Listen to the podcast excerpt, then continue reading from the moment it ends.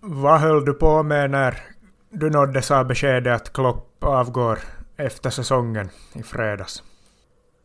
Jag märkte väl inte direkt utan jag var väl på jobb och sen då jag var och handlade efter jobben och smått så märkte jag att det plingade till en massa i telefonen så fick jag reda på det på en parkeringsplats och man var nog en fara för trafiken sen när man körde hem för man hade ju inte fokus på vägarna något mer då inte. En annan som meddelar att han avgår efter säsongen är ju Xavi som lämnar Barca. Vad händer med Barca nu då?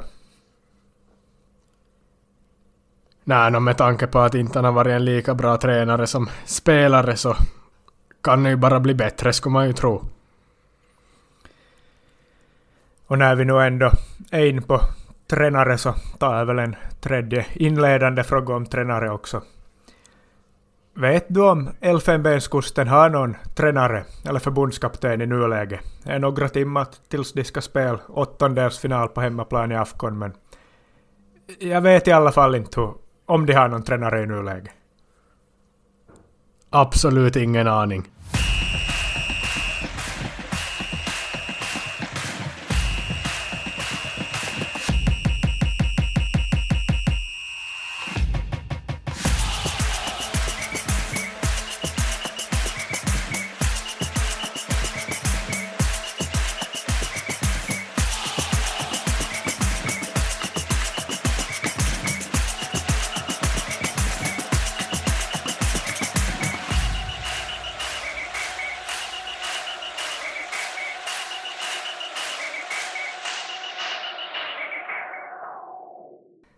Nytt avsnitt, ny vecka.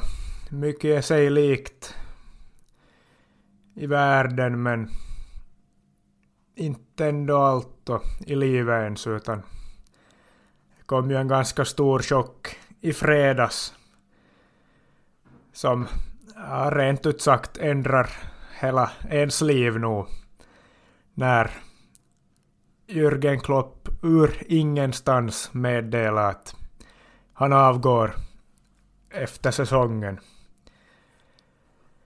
Och man har ju varit förstås i konstant chocktillstånd sedan dess. Svårt att ta in och man förstår ju inte riktigt att det är verkligt. Jag vet inte. Spelades ju match igår och det blev ju början på slutet här då men ja, det känns ju helt overkligt nog att det ska ta slut den här sagan. Ja, vi kan väl säga ifall vi har några nya lyssnare att ja, det är väl ingen hemlighet att vi är Liverpool-fans och vi lever och dör och blöder för klubben dygnet runt. Liverpool är vårt liv.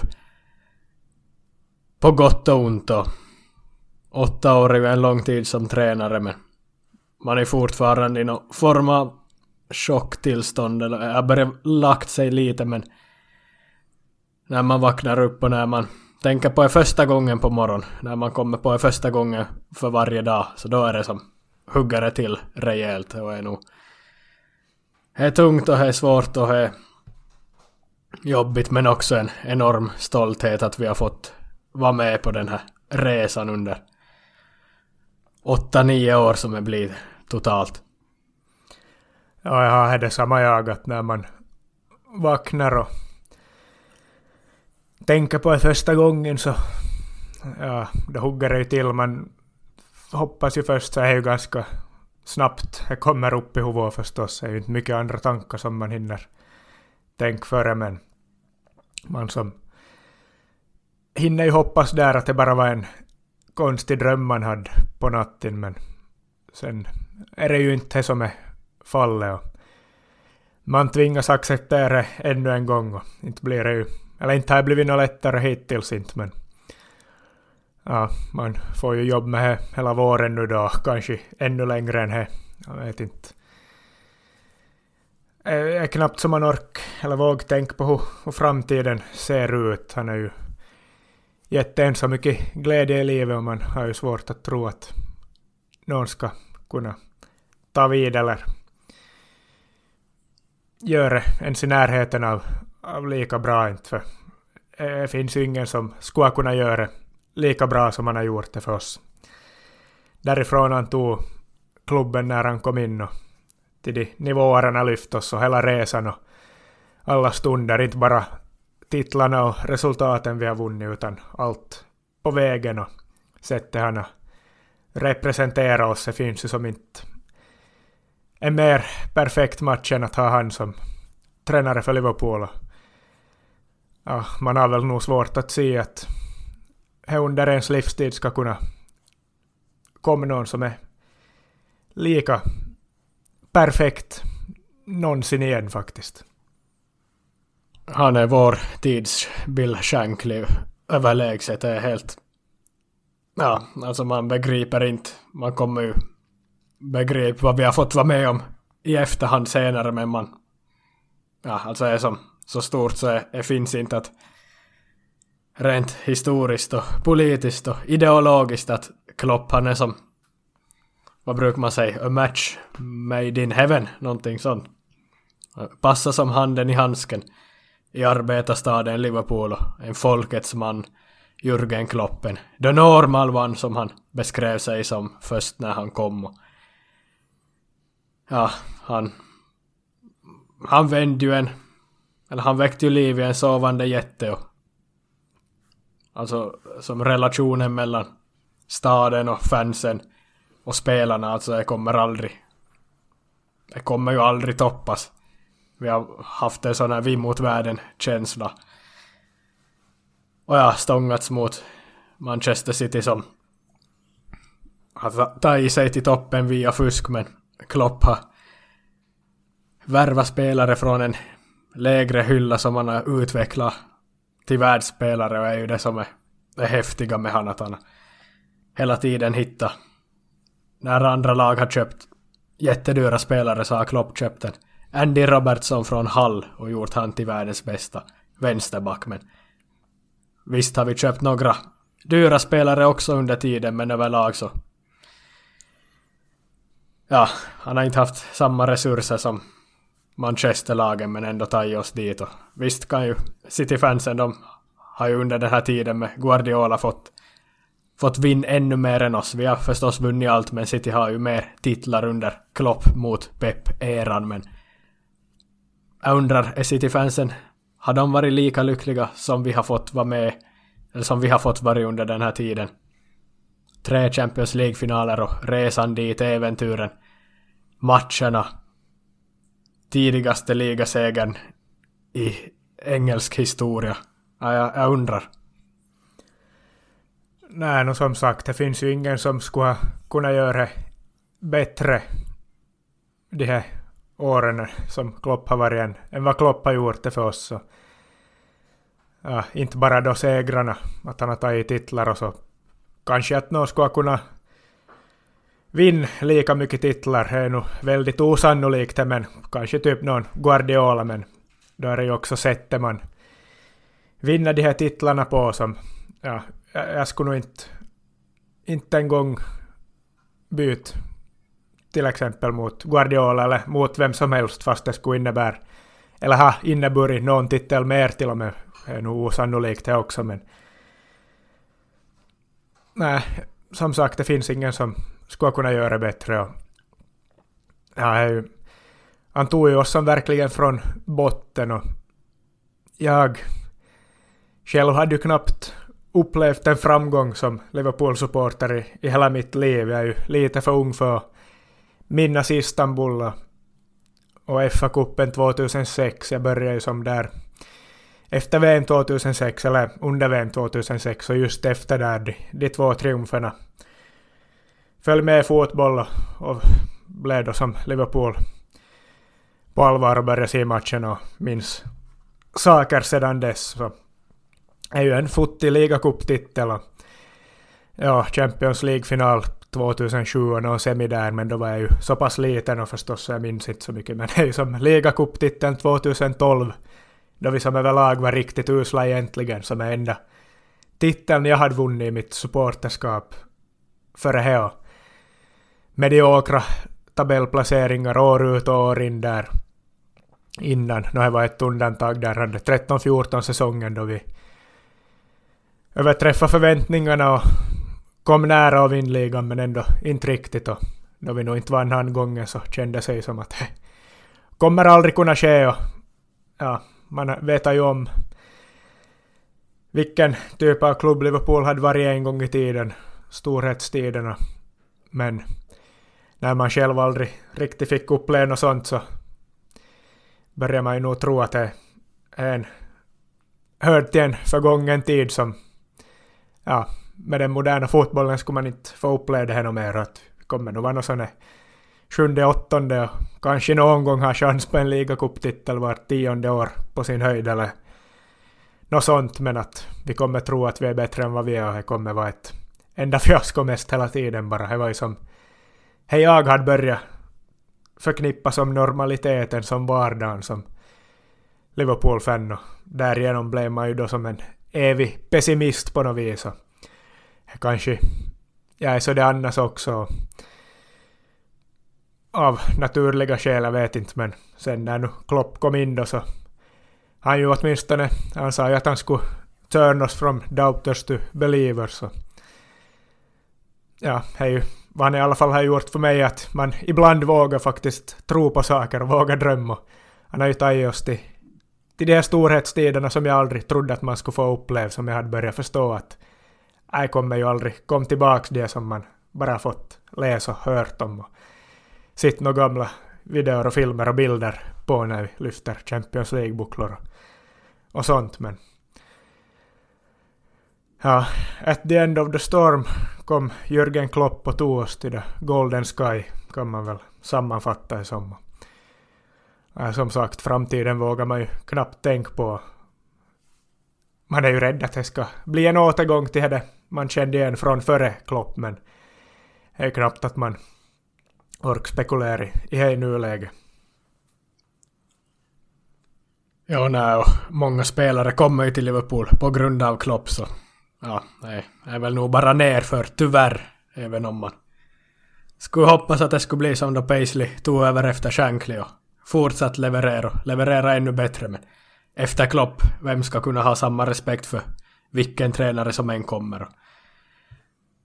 Och just det som är så häftigt med Liverpool och relationen mellan tränare, stad och spelare att han, han bär träningsoverall och keps och en skäggig tysk ingen kostymnisse och nu då han slutar så är det som han, han visar att han är mänsklig, att det är slut på energin och ja. Får se om han någonsin kommer träna lag igen men han har ju satt all sin energi på Liverpool och det kräver ju enormt mycket och man förstår ju att han lägger av också. Ja, nu har han ju alltid också sagt att han gör allt med 100 procent och det vill han att hans spelare och hela klubben och fansen också gör att när vi tränar så tränar vi på 100% eller 110 brukar han väl kunna säga till och med. När vi spelar match så gör vi på 110% och fansen ska vara på 110% med. Och när vi vilar så vilar vi 110% och när vi firar eller festar så gör vi det också på 100 eller 110 procent. så. Det är ju det han har gjort. Han har ju verkligen inte hållit tillbaka i, i något moment. Och då tar det väl förr eller senare energin nog slut. Det är väl lite som när tränare brukar säga åt spelare att ja, in och kör allt vad ni har bara. Ge allt vad ni har och så byter jag ut er sen när ni inte har något ben kvar till spring med. Och är väl lite liknande situation här nu att det är hans energi som är slut. Och inte kan man ju då annat än att acceptera orsaken då eller skälet till att han avgår då utan det får man ju nog bara respektera. Han gör ju det som han tror är bäst för klubben också. Det är väl länge sedan man har slutat ifrågasätta hans val eller vad han tror utan jag litar ju nog blint på varje beslut han tar i varje moment. Senast igår är väl ett gott exempel på att det i princip får det ju alltid bra utfall när han slängde in den här McConnell. Hade han spelat inte ens 20 minuter på seniornivå, eller seniorfotboll tidigare i karriären. Och går in i en fa match från start på Anfield och är typ bäst på plan så länge han spelar. Ja, nej, men inte, inte kan man ju annat än bara acceptera att han har gjort allt och det är som inte att han är skyldig oss att fortsätta utan han har ju gett oss så mycket så är ju ja, man kan inte kräva något mer av honom. Hej. Han som kan kräva saker av oss så är ju att göra det här till ett sista magiskt kapitel här nu den här våren. Ja, han är ju överlägset den enskilt viktigaste under vår livstid alltså i Liverpool. Jag blev, eller jag trodde ju aldrig att jag skulle bli lika tagen som då, då Steven Gerrard slutade en gång i tiden och att man skulle kunna bli ännu mer berörd av någon annan men när Klopp meddelade det här så, ja, det var ju... Jag var, det var helt...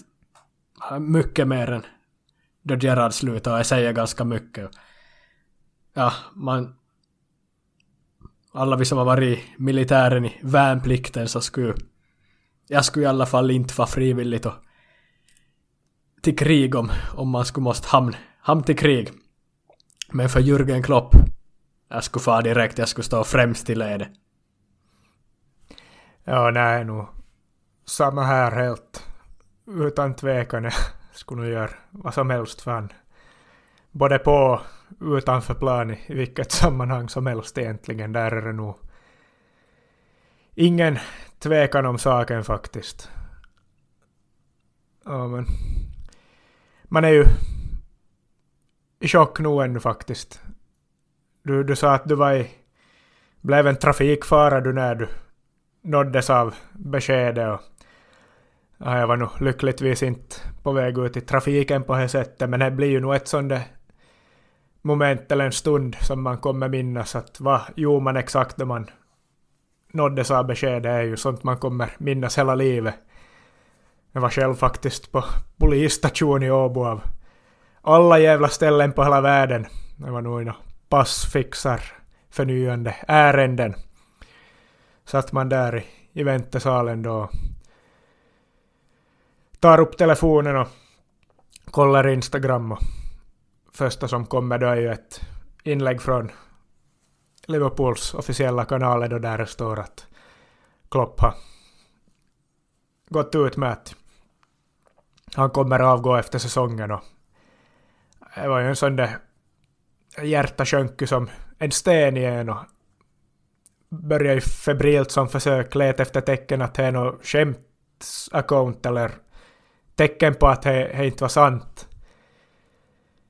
Det var ju, eller ja, som för någon månad sedan så lagade ju Liverpool nog nå, det var ju någon reklam samarbete med någon så var det som på skämt nå att vissa spelare sa i någon intervju då att det var väl mot något näthat eller något sånt där att ja nej, jag slutar nog med fotboll nu att det, räcker för mig, jag har fått så mycket skit så jag, jag slutar med fotboll nu.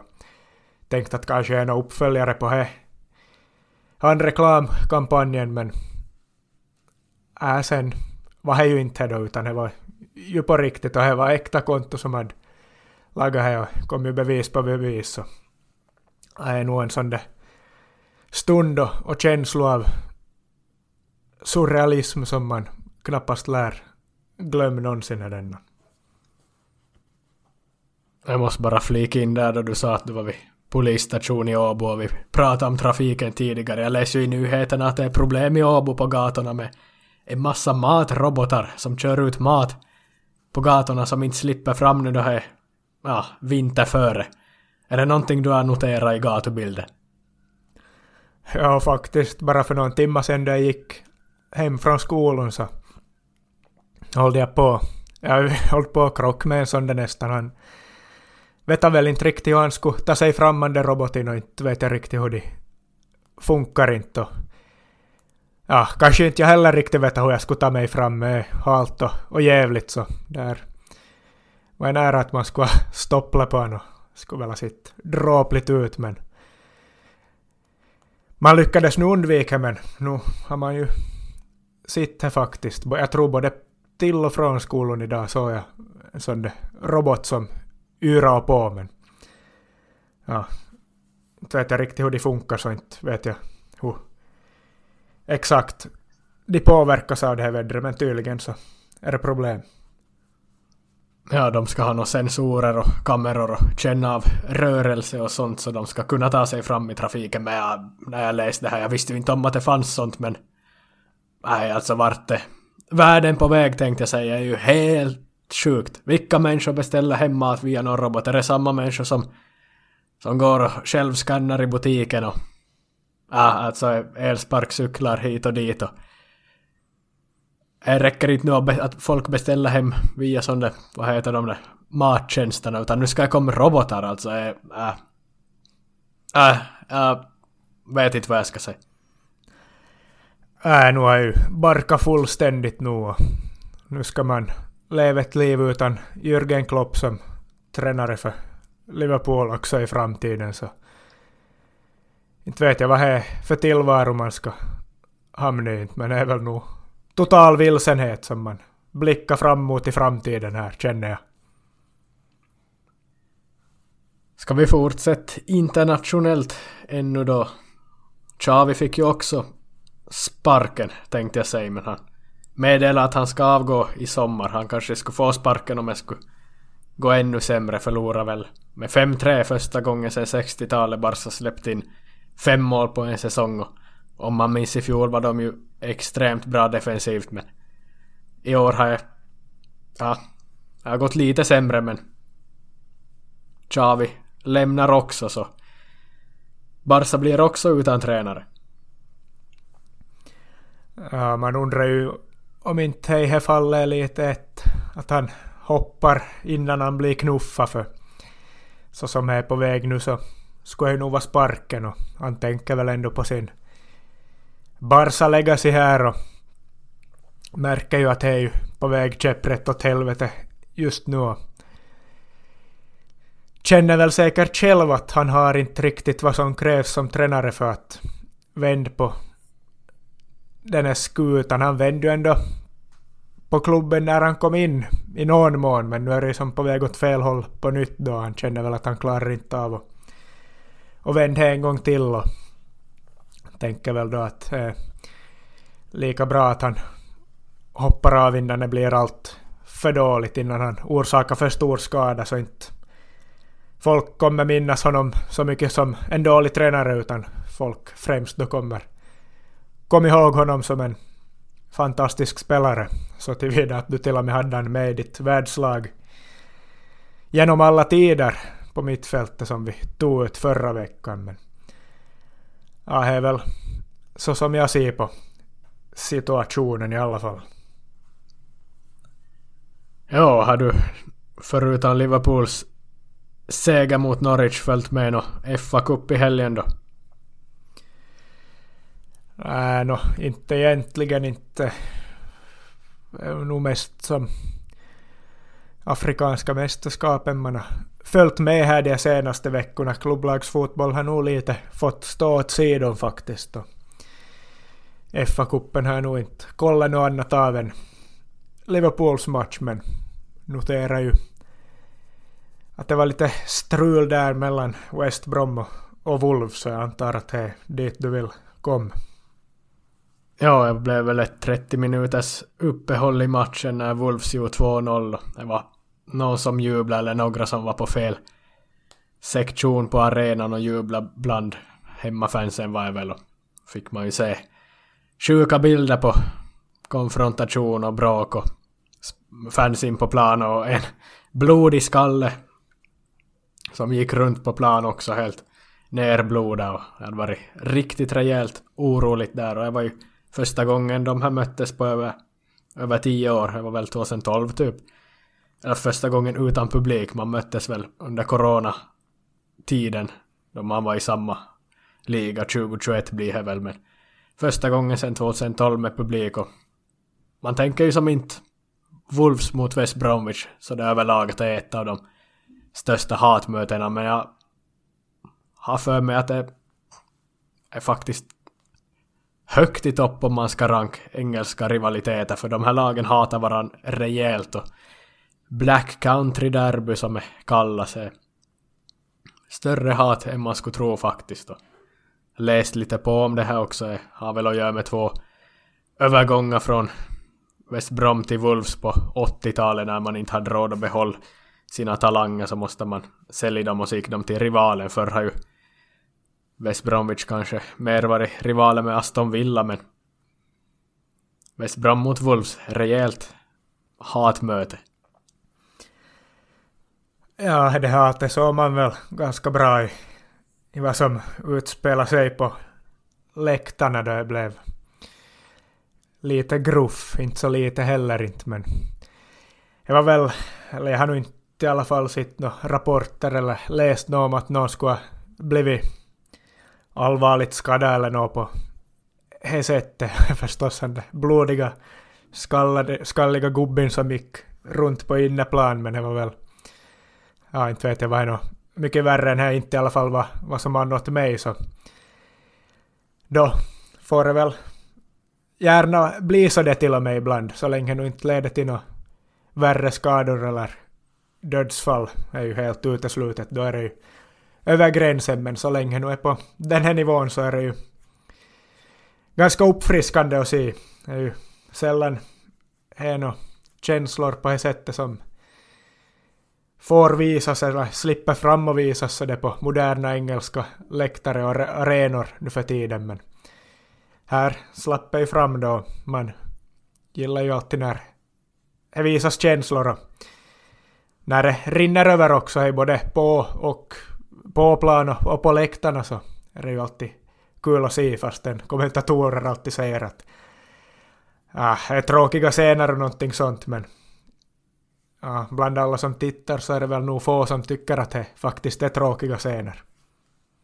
Och lite får man väl nog skylla sig själv om man jublar i, i motståndarnas klack också så här. Ja, ah, alltså i England överlag är, är oroligt och mycket bråk utanför arenorna men in på arenorna är det ju sällan det händer något men det här var ju faktiskt en ja, särskild grej då. Det var ju som sånt som inte händer så ofta så det var ja, överraskande faktiskt. Just att det här mötet, att det är starka känslor. Det är sån här... Förr var ju...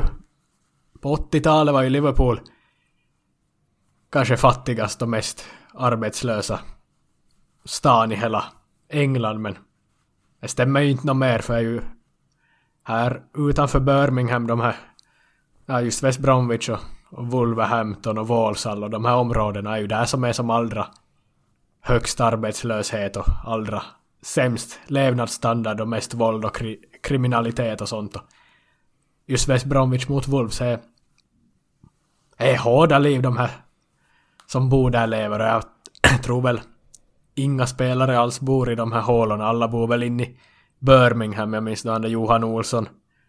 Eller heter han Jonas Olsson? Svenska backen i West Bromwich förr i tiden. Han, han berättade om det här att han väl aldrig ens varit in i själva West Bromwich fast han spelar i West Bromwich. Så är nog stökiga områden och i söndags så spåra ur. Ja, nej, om han aldrig ens har varit inne i West Bromwich fast han spelar för det så säger väl nog något om vad det är för typ av ställ. I och för sig så har han ju inte gett en chans då, kan ju inte ge en ärlig bild av det, men, men ändå ja. Men, ja. Låter ju lite som Blackpool dit vi var också i, i fjol för ett år sedan. Det var ju fattigt och kriminellt och slitet det också.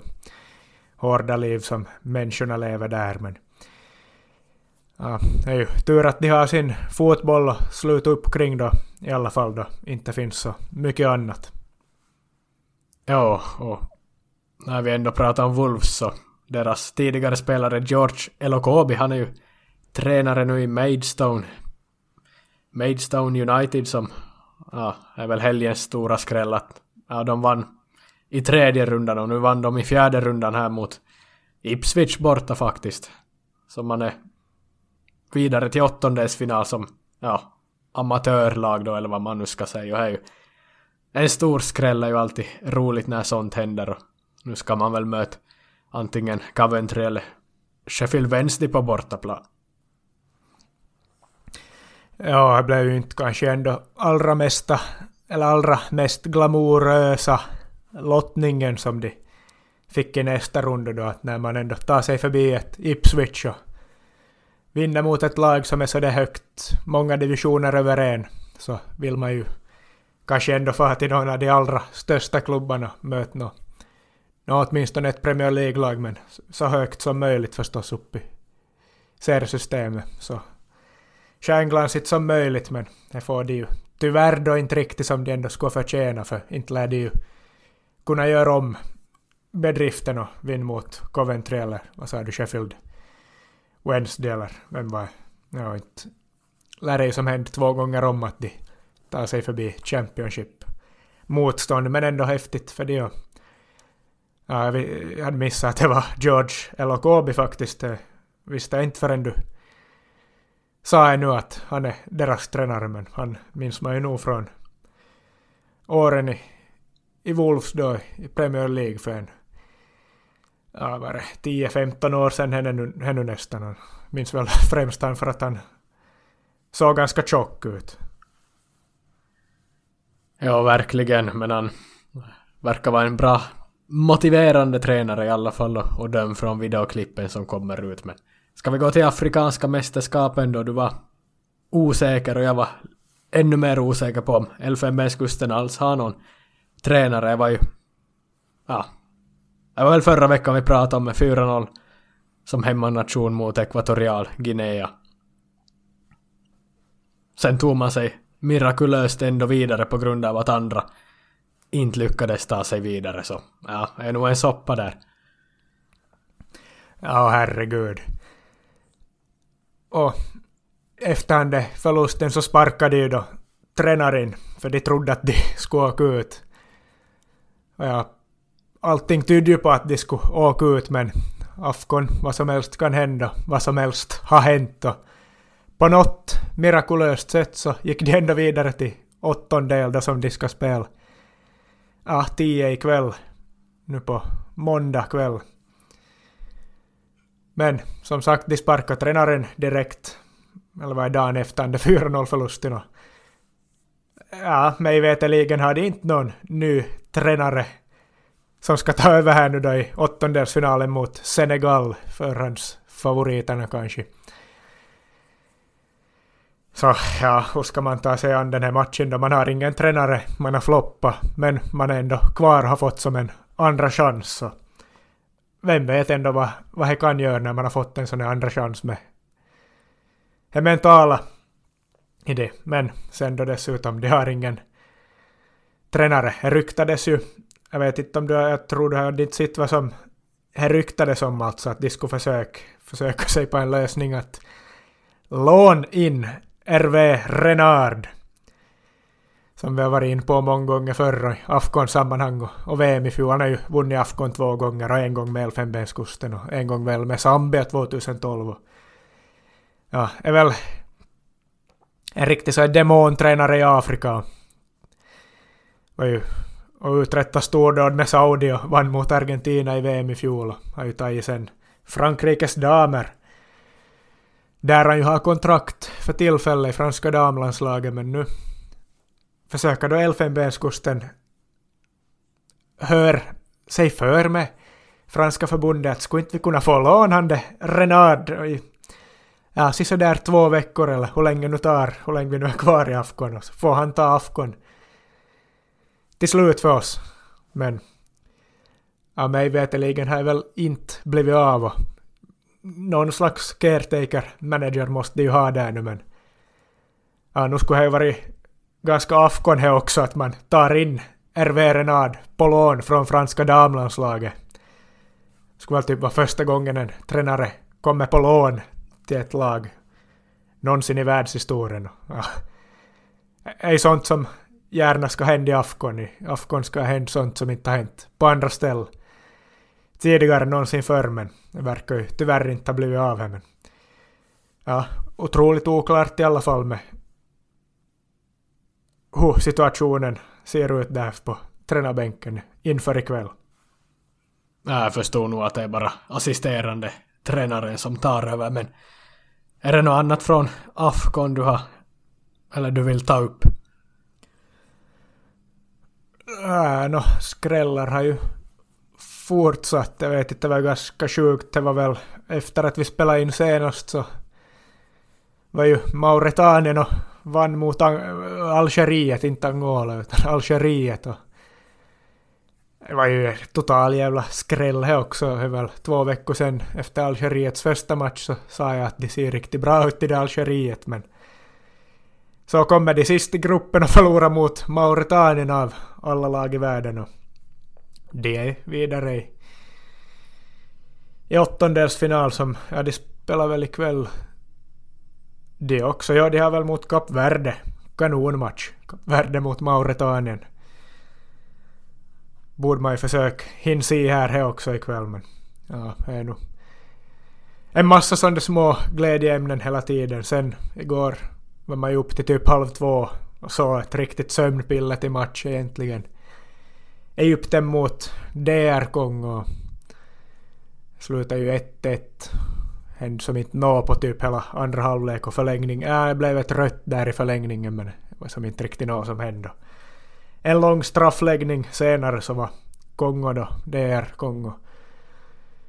Vidare, han slog ut Egypten. Intressant att inget av de här lagen har ju varken förlorat eller vunnit en match egentligen i turneringen. Båda har kryssat alla sina matcher i gruppspelet och nu den här som då gick till straffar. Så ja, demokratiska Kongo är ju vidare då till kvartsfinal utan att ta vunnit en, en enda match. Laget deras ser ju helt bra ut ändå, är väl bättre än vad jag någonsin minns att de skulle ha haft så. Ja, många namnstarka spelare är ju Cedric Bakambu som var bra i Villarreal för någon tid sedan och gick ju till Kina och inte vet jag riktigt vad han gör nu för tiden. Och eh, vissa från Brentford och eh, Mbemba från Marseille. Och, ja, Bongonda har de där som jag har varit i Celta Vigo. Gael Calcuta spelar väl i franska ligan, han spelar inte igår han, men är ändå ganska bra namnstarka spelare de har i Kongo så ja, de kan ju uträtta något stort ännu om de fortsätter kryssa sig vidare ur turneringen.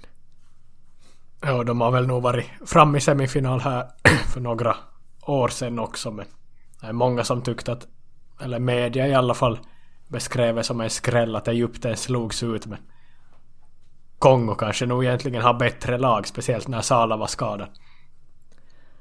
Ja, mycket namnkunnigare i alla fall, åtminstone som fan som följer europeisk fotboll, sen vet man ju inte det.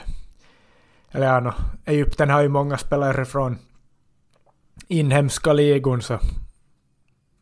Ja, jag vet inte hur många Kongo hade egentligen men egyptiska ligon är väl nog en av Afrikas absolut bästa så är väl kanske mer jämn nivå i, i egyptiska laget utan någon storstjärna då Salah är skadad men kanske lite mer upp och ner i Kongo men inte var som så stor skräll tyckte jag heller inte Egypten har ju inte alls imponerat i, i turneringen. Som sagt inte vunnit en enda match utan kryssat alla.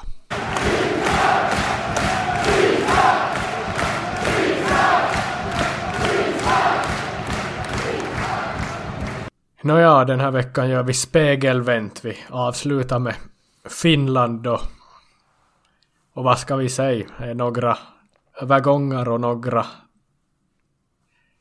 kommande övergångar som blir spännande att följa med här. HJK släpper två av sina tongivande spelare i alla fall. Ja, eller släpper och släpper. No, det är ju släppt många spelare om man ser det som så förstås. Så är, ja, blir ett ganska stort truppskifte där men du tänker väl på Peltola och Ollila som är på väg utomlands och Peltola har ju ryktats nu ända sen i höstas. Hans kontrakt är ju slut. Jag vet inte hur det är med Ollila. Där är det väl... Är det så att han blir uppköpt till franska andra ligan men Peltola har ju ryktats till alla möjliga MLS organisationer och allsvenskan och ja, inte vet jag, jag har nog varit andra, kanske nordiska klubbar och var nog i Italien också. Ja, här är ju två ändå bra unga spelare de, de tappade. Och Ollilas fall var ju klart vart han far och är ju ja, vad var det, Paris FC i andra ligan i, i Frankrike. Oklart om man ska förvänta sig av det. Sen Peltola, som ju jag håller väldigt högt, ska ju hitta en ny klubb han då ännu. Det finns ju många som verkar vara ute efter honom. Jag tycker det skulle vara kanske nästan lite synd om det blir MLS för det känns som att han, han är så klok och ja, har som kvalitet ändå rätt igenom och bra beslutsfattande och så att han skulle klara sig på en bättre nivå än MLS känns det som. Men vad vet jag, kanske han får ett bra kontrakt där eller någonting sånt. Men som sagt, det är ju inte något klart, det är bara rykten. Och han har ju ryktats vara nästan klar för typ Djurgården. Här tidigare också, men det verkar ha dött av lite och nu är MLS spårhetast. Men ja, inte vet jag, vad ska man säga? Svårt att säga något där då inte han har farit någonstans, men Ollila till franska andra ligan. Inte vet jag vad Paris FC, vet du nog vad, vad det är för klubb? Inte har man ju så jättebra koll på franska andra ligan ändå. Nej, nu inte är det någon framgångsrik klubb. Så är nog, han får ju bo i Paris i alla fall men ja, Peltola är väl DC United som är hetast just nu så ska han gå i Marcus Halstis fotspår då kanske men en som blev, ja, sa upp sitt kontrakt är ju Petteri Pennanen som har varit ute på äventyr igen. Han var väl i Indonesien någon gång och i USA här om året och nu senast då till Indien och Hyderabad men tydligen så har inte han fått sin lön utbetald och är ju helt horribelt faktiskt det som fotbollsspelare. Man far, far ut i världen på ett äventyr. Blir inte, ja, får inte betalt. För, förhoppningsvis så kommer han väl få i efterhand men det var det som var skälet till att han har brutit kontraktet och då är ju frågan att ja vart går han? Det troliga är väl att han vänder tillbaks till Finland. Han är ju 33, fyller 34 senare i år så det börjar väl vara lite sista versen för han och är det hem till sin sin klubb Kups då, sin där han har varit kapten och allt, eller blir det till Ilves där han också väl var kapten här om året? Ja, det var ju bara i somras någon gång han for dit till Indien och spelade ju med Ilves fram till då. Vad vet jag vad ett och ett halvt, en och en halv säsong kanske han gjorde för Ilves. Och var ju deras bästa spelare nu under antiden men ja, nu känns det som att det är tillbaks till Finland och är nog någon av de klubban som är hetast då. Ilves vet vi ju vad de har för projekt på gång och satsar ju stort så ja, inte blir man ju förvånad om man, om man hamnar där faktiskt inte. Sen, ja, Kups. När de har tappat på mittfältet någon viktig pjäs där nu så kanske att det finns ett hål att fylla där också. Det finns ju som skäl för honom att gå till båda klubbarna egentligen eller så kommer det någon helt utomstående och plockar in honom men det är väl nog någon av de två som är, är troliga och knappast lär det väl bli en till klubb utomlands. Han är ju ändå som prövar på några olika vändor nu och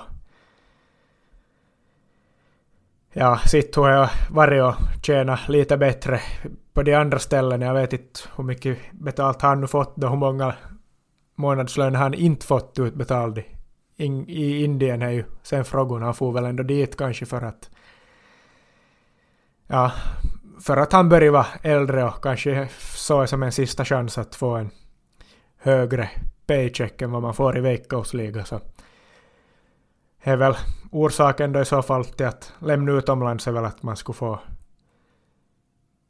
mer betalt då, men det är ju någon som ska vilja ha han där då också. Just för att han inte fick betalt i Indien så vill han väl få de där pengarna från något annat håll, tänker jag. Men nu känns det som att det troliga är att det blir tillbaka till Finland.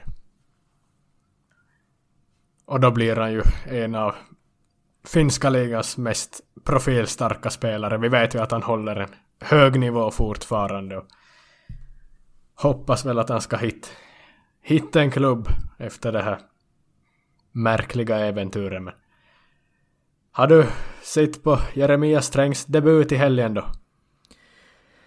Ja, nu var man ju in på några märkliga streamsidor och kolla han nu. Jag är ju ingen i Finland som tyvärr sänder serie B så man får ju trixa sig fram lite där men nu kollar man ju han kom ju in på bortaplan Como och jo är bra. Ställningen 0-0 då han kom in var det, 25 minuter kvar och det slutade med 0-2 vinst för Hans Askoli. Som tog första vinsten på länge. Och ja, det kändes ju mycket farligare när han kom in på plan så det var nog en lyckad debut. Han var nog inte själv och gjorde något mål eller någon assist men det andra målet var ju ett självmål på en frispark och han var nog där och stöka och böka lite och störd den där backen som styrde in den i, i självmål. Så. Ja, det var ett, en riktigt positiv debut faktiskt. Ja, och vilket ställe att göra debut på också. Jag har väl sagt sen jag var i Como i fjol att det är ju mest, eller mest vackert belägna fotbollsplan jag har varit på någonsin. Alltså arenan i sig är ju helt förfallen men omgivningen med bergen och Comosjön och är ju, man har varit på fulare platser och om vi kollar på motståndet så att i sin Italien-debut få spel mot Patrick Cotrone och Simone Verdi och Cesc Fabregas är väl assisterande tränare där också. Det var faktiskt ett speciellt tillfälle. Ja, Exakt, ja. Gäddon i Komosjön kan man döpa kapitlet till nästan då. Undrar med simman och gäddor i, i Komosjön. Jag vet inte, såg du någon då du var dit i, i våras? Nej, men man ska väl nog nästan tro att det finns någon fisk där. Ja, no, i lördags fanns det nog en gäddo där och det blev en viktig del i att Askoli bärga tre viktiga poäng där i nerflyttningsstriden. Det var ju ja, som sagt mycket bra aktioner och Askoli kändes ju mycket farligare när han kom in på plan faktiskt. Det är ju som... Jag har ju sett de två senaste matcherna nu då. De har ju mycket boll av det sitt. De spelar som med 3-5-2 egentligen och haft mycket boll i, i båda matcherna men det är som att de rullar runt bollen och det går ganska trögt och möter ju italienska Serie B-försvaret är ganska svårt att luckra upp det också. Känns som att Ascoli har ju inte riktigt den kvaliteten riktigt för att få det och bli till något, så de som har bollen under stora perioder men rullar nu runt bara och blir som inte till något, kommer ingen vart och sen slår de kanske in och inlägg då när motståndarna är de som rullar boll i, i fem minuter och sen har ju motståndarna samlats alla på egen planhalva. och... De tappar tålamodet till slut då, så slår de in och inlägg när det hela motståndarförsvaret i, i boxen och är som svårt att få någonting bra att hända i sådana lägen men ja, det känns som att de skulle behöva någon kanske kreatör på mittfältet eller något. Ja, de spelar ju inte riktigt med några yttrar som slår sin gubbe utan är mer wingbacks det är väl lite begränsade de här wingbacksen nu men kändes ju totalt ofarligt egentligen fram tills han kom in på plan men de där sista 20-25 minuterna så började ju kom till chanser och gjorde mål på hörna där då. De har ju en annan anfallare, portugisen Mendes som Ja, han har väl gjort nästan hälften av deras mål i år. Han har gjort typ tio mål och är ju typ gud där för tillfället. De kallar han för Askolis Zlatan. Pedro Mendes. Men ja, han och, och Jere på topp ju bra där de sista 20 bärga segern men jag skulle ju ännu vilja se nu att de som plockar in någon kreatör där så de har någon till server de här anfallen som de har för de har ju ändå bra anfallsuppsättning nu då med ja, Mendes är ju bra och Jere lovar gott och rutini. Ilja Nestorovski har de ju där också så det finns de väl på men de måste som få lyckas bättre sett de i bra lägen. Ja, men stark bortavinst för Koma är ju i toppen av tabellen. Man är väl fjärde eller någonting. Patrik Cutrone vill jag ännu bara nämna. Det är ju speciell karriär han har haft. Han slog igenom i Milan och gjorde väl tvåsiffrigt någon säsong där som ung talang. Men ja, på grund av det så levde han ju länge på, på sitt namn och var utlånad i Premier League i Wolverhampton. Valencia och Fiorentina också kanske och något annat men sen ja, lyckades inte riktigt något mer och sen åkte han hem till sin, sin hemstad Como där han är, är väl andra säsongen han är där nu och ja, hittar sin plats i, i livet och bombar in en hel del mål. Han är väl i ganska högt upp i skytteligan han också. Ja, han skadade ju sig här i, i den här matchen faktiskt så får se vad som händer med han då och hur allvarlig skadan är men ja, målet måste väl vara att ta upp Como till Serie A. De satsar ju ändå, de har väl nog som